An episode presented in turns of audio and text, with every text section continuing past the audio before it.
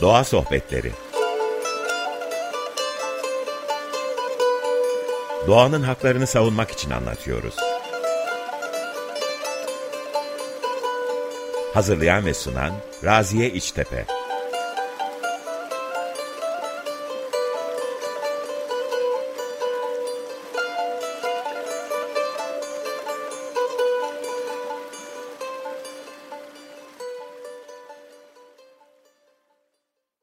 Merhabalar, Doğa Sohbetlerine hoş geldiniz. Ben Raziye İçtepe. Bu hafta oldukça ilgi, ilgi çekici bir konumuz ve konuğumuz var. Ee, özellikle Anadolu'daki kadınlar ve bitki, e, etnobotanik e, bunlarla ilgili bizim bildiğimiz ve bilmediğimiz bilgileri e, bizlere anlatmak için e, arkeolog ve etnobotanist araştırmacı Füsun Ertuğ bizlerle birlikte. Füsun Hocam hoş geldiniz. Hoş bulduk. Hocam sizlerle tanışmak ayrı bir şeref. Ee, özellikle etnobotanik açısından Anadolu'da yaptığınız çalışmaları duymak açısından da kıymetli bir sohbet olacağı, olacak bugün. Ee, teşekkür ederiz bizlere vakit ayırdığınız için. Ben teşekkür ederim Doğa Derneği'ne bütün çalışma için. Çok çok sağ olun hocam. Ee, ben böyle etnobotanik ve özellikle kadınlar ve bitkiler arasındaki ilişkiden biraz böyle bahsetmek istiyorum. Hani sorularım var ama ondan önce e, biraz kendinizi tanıtır mısınız hocam bize? Tabii siz de söyledik olarak arkeoloğum. Anadolu'da kızı için bulunduğumuz köylerde ve seyahatlerde halk bilim konusunda da çalıştım. Gözlemler yaptım. Özellikle halk el sanatlarıyla bitkilerle olan ilişkisine yoğunlaştım. Buna bilimsel adıyla etnobotanik diyoruz ya da halkın botanik bilgisi diyoruz. Bu alandaki doktoramı Amerika Birleşik Devletleri Washington Üniversitesi'nde antropoloji dalında yaptım. Türkiye'de etnobotanik konulu birkaç uzun süreli proje yönettim. Bir özel üniversite bir süre ve kurslarla etnobotaniği yaygınlaştırmaya çalıştım. Çünkü bu Türkiye'de çok tanınan bir dal değildi. Şu anda çok daha iyi tanınıyor. Çok daha bu konuda fazla çalışıyor. Yine de yeterli değil tabii. Ee, özellikle benim e, üzerinde durduğum konu kırsal kadının bilgi birikimi. Ee, ben doktora sırasında bu konunun farkına vardım ve özellikle daha da bilimsel olsun diye biyokültürel miras diyoruz. O zaman biyokültürel miras dediğimizde önemli bir şey olduğunu anlıyorlar. Yoksa kadınların e, botanik bilgisi dediğimiz zaman tam olarak ne dediğim bu bitkilere ilişkin bilginin açığa çıkarma, çıkarılmasına ben çalışıyorum. Çünkü bu sözlü bir kültür ve e, ne yazık ki hani kuşaktan kuşağa aktarımlar da zayıfladığı için e, bizim gidip zorla almamız gerekiyor. Bu konu benim için çok önemli. Ayrıca kadın arşivleri konusu çok önemli bir konu. Bu konuda 1990'da beş arkadaş Kadın Eserleri Kütüphanesi İstanbul'da ve Bilgi Merkezi Vakfı. Bu bir vakıf ha, kurmuştuk. E, hala onun çalışmalarına katılıyorum. Çünkü arşivcilik ve derleme çalışması benim için çok önemli. Ama e, e, biraz dışarıdan da yapıyorum. Şu anda da İznik'teyim. 2008'den beri İstanbul dışındayım. İşte yapabildiğim kadar yerel çeşitlerle çok küçük ölçekli bahçe tarımı yapıyorum. Onun için de hani e, burada yaşıyorum ama İstanbul'la bağımı koparmadım. Gidip geliyorum. Evet. Hocam e, ben de halk bilim ben de halk bilimci olduğum için hissiyatınızı çok iyi e, arkeoloji ve halk bilim, etnobotanik aslında e, her ikisi de e, bilgiyi e, obje ya da soyut olmayan kültürel miras, soy, somut olmayan kültürel miras e, olabiliyor bu bazen. İkisi de hafızanın ortaya çıkarılması. Biri toprak altından, biri zihinlerden, belleklerden çıkıyor. O anlamda e, çok kıymetli yaptığınız çalışmalar. Özellikle hani biraz önce de söylediğiniz e, bizim yaptığımız sahalarda da aynı şeyi gözlemliyoruz aslında. De özellikle e, üretimse hayatta kalmaysa bilginin hep kadın belleği üzerinden aktığını gördük. E, ve bu büyüleyici bir bilgi, büyüleyici bir hal. E, özellikle kadın ve doğa arasında e, yap nasıl bir ilişki gördünüz hocam? Yani bu ilişkiyi önemli kılan nedir? Valla insanların en temel gereksinimlerinden biri gıda, öbürü e, bunun tem, işlenmesi tabii. Yani sadece temini değil işlenmesi. Bu özellikle kadınların işi olmuş her zaman. E, tabii bazı toplumlarda bu iş bölümü e, farklılıklar gösterebiliyor ama e, e, bu da hani çevremizde doğayla yakınmak, onu gözlemlemeyi, tanımayı ve koruyup kollamayı da bilmek demek. Onun için şimdi bütün e, doğa koruma çalışmalarında kadınları önde görüyoruz. Aynı şekilde e, kadın her türlü demokratikleşme çabasında da en önde e, saf tuttuklarını görüyoruz, önce olduklarını görüyoruz. E, ama yani konumuza dönersek kadınların pek çok kültürde toplayıcı dini e, tohum olsun, ot olsun, kök olsun, meyve olsun, hatta küçük hayvanlar, salyangozdu, çekirgeydi vesaire yenilebilir bütün dağları topladıklarını, gıda gereksinimlerini özellikle avcılıktan çok e, bitkisel malzemeyle karşıladıklarını görüyoruz. E, bunu Neolitik'ten itibaren e, de görebiliyoruz birazdan. Ayrıca bitkilerle hem koruyucu hem sağaltıcı tıbbı geliştiriyor kadınlar. Orta çağlara kadar biliyorsunuz tıp kadınların denetiminde.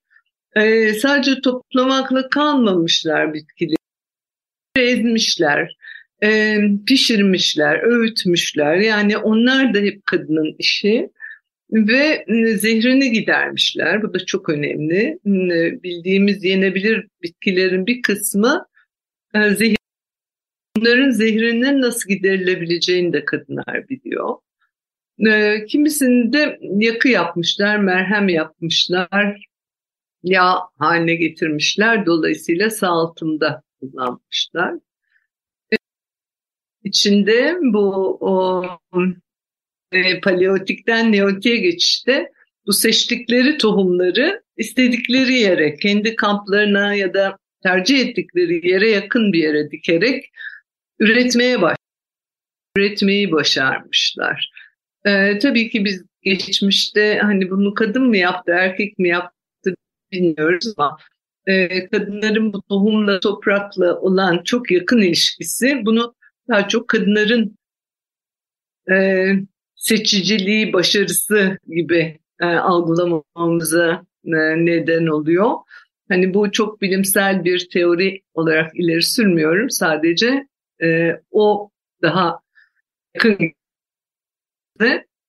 ve e, özellikle seçtikleri tohumlar uzun süreli saklamaya elverişli tohumlar. Tahıllar, baklagiller, bir de lif bitkilerini, dokuma yapabilmek için lif bitkilerini topluyorlar ve onları ekiyorlar. İlk ekilenlerden. Ee, ama sınırlı sayıda bitkiyi ekiyorlar çünkü tarım çok zor bir uğraş biliyorsun. Başını bekleyeceksin, hasat edeceksin vesaire ve sonrası da var. Özellikle yabani hayvanlardan koruyacak bunu. Ee, dolayısıyla birçok bitkiyi toplamayı sürdürüyorlar. Yani onları evcilleştirmekle uğraşmıyorlar. Bugün Anadolu kırsalayıcılık sürüyor. Hem de her yerde e, sürüyor. E, yaptığım çalışmalar her yerde kadınların yenebilir ve şifalı bitkilerle ve bahçe bostan tarımıyla e, çalıştığını, bu konuda uzmanlığı gösteriyor. Ve kadınların bir özelliği de hmm, bunu aktarma ve paylaşma becerileri. Erkeklerde bunu görmüyoruz. Kadınlar birçok işi imeceyle yapıyorlar biliyorsunuz kırsallarda. Bu da haneler ve kuşaklar arası paylaşımı güçlendiriyor. Yani birçok kırsal yollar, ilişki ağları kurarak o toplumun ayakta durmasını sağlıyorlar. Hem olarak hem ilişkiler ağının ayakta tutan unsur olarak. Evet yani benim için kadın e, ve doğa dediğiniz zaman bu sorunun şeyi bu aşağı ee, hocam e, gerçekten o aralarında kadın ve doğanın çok böyle kopmaz bağlar var ve o bağlarla birbirine bağlılar çok yakından. Bunu hem sizin anlattığınız bu bilgilerden hem de yaptığımız sahalarda çok yakinen şahit oluyoruz. Ee, geçenlerde bir bilgi okumuştum. Ee, diyor ki işte kadın bostanını boynunda taşır. Yani tohuma e, tohumun kaybolmasına ya da işte bir sonraki ekim zamanına kadar başına e, bir iş gelmesinden o kadar çok korkuluyor. Boynunda bir keseyle e, elbisesinin içinde sakladığını söylüyor e, kitap. Ve e, bu çalışmadan yola çıkarak ve sizlerin tabii ki e, Anadolu'da yaptığınız saha çalışmalarından yola çıkarak şunu sormak istiyorum. Yani erkeklerle kadınların arası nasıl? E, yani bu e, üretimlerin üzerinde e, nasıl desem bu eski üretimlerle ilgili e, nasıl örneklere şahit oldunuz? Biraz bunları merak ediyorum açıkçası. Yani kadınlar çok iyi doğa gözlemcisi her şeyden önce. Ee, çevrelerinde yüzlerce bitki oluyor. Hangi yani coğrafyada olursak olalım, Anadolu neresinde olursak olalım. Ee, ve arasında hangileri yenen bitki, hangileri şifalı bitki, hangisinden boya yapılır, nif bitkisi, e, yem bitkisi, hayvan yemi için e, ve ne zaman toplanır, nerede biri. Tüm bunları gözlüyorlar ve çok iyi biliyorlar. E, şimdi botanikçilerle hep çalışıyorum ben botanikçiler de bu ilk taban yapraklarını gördükleri bitkiyi tanımlamakta güçlük. Onu ancak çiçeği olduktan sonra, bitki biraz büyüyüp çiçek açtıktan sonra tanımlamayı tercih ediyorlar. Ama kadınlar hiç öyle düşünmüyor. Kadınlar sonbaharda toprağın üstünde yaprakları onun hangi bitkiye ait olduğunu tür, alt tür bazında bilebiliyorlar. Bunun denemesini de botanikçilerle yaptık. Ee, ben çünkü etnobotanikçi olarak e, şeyi topluyorum. İlk yeri topluyorum. Yani dört yaprak, beş yaprak, bir filiz daha. Onu da topluyorum. E, botanikçi bunu teşhis edilemez buluyor. Daha sonra tabii ki çiçeğini, e, tüm bitkiyi, tohumunu, şeyini de topluyor çocukluğundan itibaren anası nenesiyle ot toplayan kız çocukları o bitkiyi hiç şaşırmıyor. Bir tanesi alt tür düzeyinde yenen bitki, bir tanesi yenmeyen bitki ama aralarında ben yıllarca kadınlarla dolaştım. Ama işte o çocukluktan gelen bilgi olmadığı için ya da annem ancak ebe gümeci, e, e, semizotu bize öğretti ama bu kadar büyük bir çeşitlilik yoktu bizim İstanbul coğrafyasında diyeyim ya da bahçemizde ee, ya da o o kadarını almıştı annesinden birkaçını almıştı. Ee, dolayısıyla köyde bir kadınların e, inanılmaz bir bitki bilgisini taşıdığını görüyorum. Bunları ayrıca hani yemekle ilaç haline getirmek için, lezzetli bir hale getirmek için, çeşitlendirmek için. Düşünsenize hmm, bir otu e, ot köftesi yapıyor, ot böreği yapıyor ama aynı otlar e, o ette katılabiliyor, kavrulabiliyor, haşlanabiliyor, salata oluyor. Bunu çeşitlendirerek o otun yenilebilirliğini de artırıyor. Ot aynı ot olsun. O önemli değil. Hani e, ayrıca da bütün kurutarak saklıyor bazılarını. Bazılarını e, salça yapıyor. Tabii bu diğer e, yenile e, şey e, tarımı yapılan bitkilerden de söz ediyorum. E, hayvanların süt sağımından peynir yoğurt yapımına kadar da bütün bu süreçler biyolojik, fiziksel, kimyasal bütün bu değiştirme süreçlerini yani müthiş bir teknolojiyi aslında kadınlar yapıyor. Hani e, onlar cahil genellikle çok e, bazısının okuması yazması bu süreçlerin, bu teknolojinin bir miras olarak alındığını görüyoruz. Hani sizin sorunuzda kadınların kadim üretim bilgisi diyorsunuz ya ben o terminolojiyi kullanmıyorum ama işte kadim dediğimiz şey bu. Hem üretim hem işleme bilgisi var kadınlarda ve bunu köy içinde yaşayarak öğreniyor. Ve e, ben ilk çalışmaya 89'da başladım. Aşıklı e, dediğimiz bir yerleşim, neolitik yerleşim yeri var Aksaray'da. İstanbul Üniversitesi benim de mezun olduğum Edebiyat Fakültesinden bir ekip, e, Prehistoria bölümünden. Burada hocam başlayınca ben de katıldım o kazıya. E, doktora konumu da oradan seçtim. Bu şeye çok yakın e, köyye bir köy vardı ve ben artık ne yapmak istediğimi biliyordum o yaşta. Artık bir şey e, köy çalışmak istiyorum ama kafamda da bir e, tez de vardı. İran'da yapılmış bir tez vardı. Etnoarkeoloji tezi. 60'larda yapılmış. Benzer bir şey ama o ben ekonomiye bakmak istiyordum. Ee, ve geçim ekonomisi araştırmak üzere Bursa başvurdum ve büyük bir mucize olarak burs aldım. Ee, sonra 2-3 yıllık bir eğitimden sonra 94-95'te köye yerleştim ve orada yaşayarak gözledim. Yani gözleyerek, uzun sürede gözleyerek ancak onların doğuştan neredeyse gelen bilgisini bir uzun vadeli gözleyerek elde edebiliyoruz. Toplayıcılığı araştırdım. Tarımı, hayvancılığı, avcılığı ve takası. Çünkü takas da bu köy ekonomisinin, kırsal ekonominin çok önemli bir parçası fark ettim. Bilerekten çok fark ederek bazı şeyleri öğrendik. Ve üç taneli büyük bir köydü ve 500 yıldır oraya yerleşik bir köydü. Dolayısıyla yerleşimcilerin seçtiği coğrafyaya onlar 500 yıldır hakimdi. Arada evet 10 bin yıl gibi ya da 9500 yıl gibi bir süre vardı ve de tabii ki coğrafi şey değişmişti. İklim ve bitki örtüsü de değişmişti. Ama ortak bitkilerin o bozkır yani coğrafyasında olacağını biliyorduk. Ve vardı zaten. Ee, toplayıcılığını, yani hayvancılığı falan orada öğrendim bir sürü şeyi.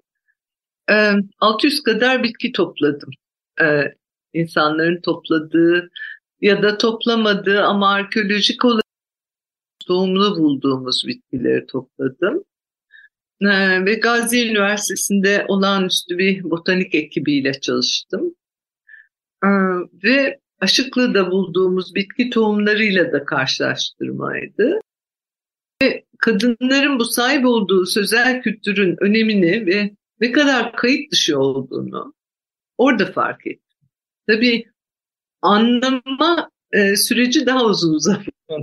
Yani Anadolu'da başka yerde çalışmam gerekti ki ben bunun ne kadar önemli bir miras olduğunun farkına varayım. Evet, Orta Anadolu'da neler öğrendim diye baktığınız zaman yani sadece kıyas için şöyle bir şey söyleyeyim. Yakın bitkinin 90'larda 90'ların ortalarında hala kullanılıyor olduğunu öğren. Bu inanılmaz bir sayı. Bunları insanlar isim vermişler. Bunların 100 tanesi yenen bitkilerdi. Ee, bir kısmı tıbbi bitkilerle ölçüyordu. Bu ölçüşme çok önemli. Çünkü koruyucu tıp oluyor. Yani şifalı diye yiyor bitkiyi. Bu bitki yemezsen diyor yani işte e, şey ısırgan dediğimiz onlar dalağan diyorlar. E, böyle bir bitki. Mutlaka yenmesi gerekenlerden. 30-40 tane de sadece tıbbi bitkileri vardı.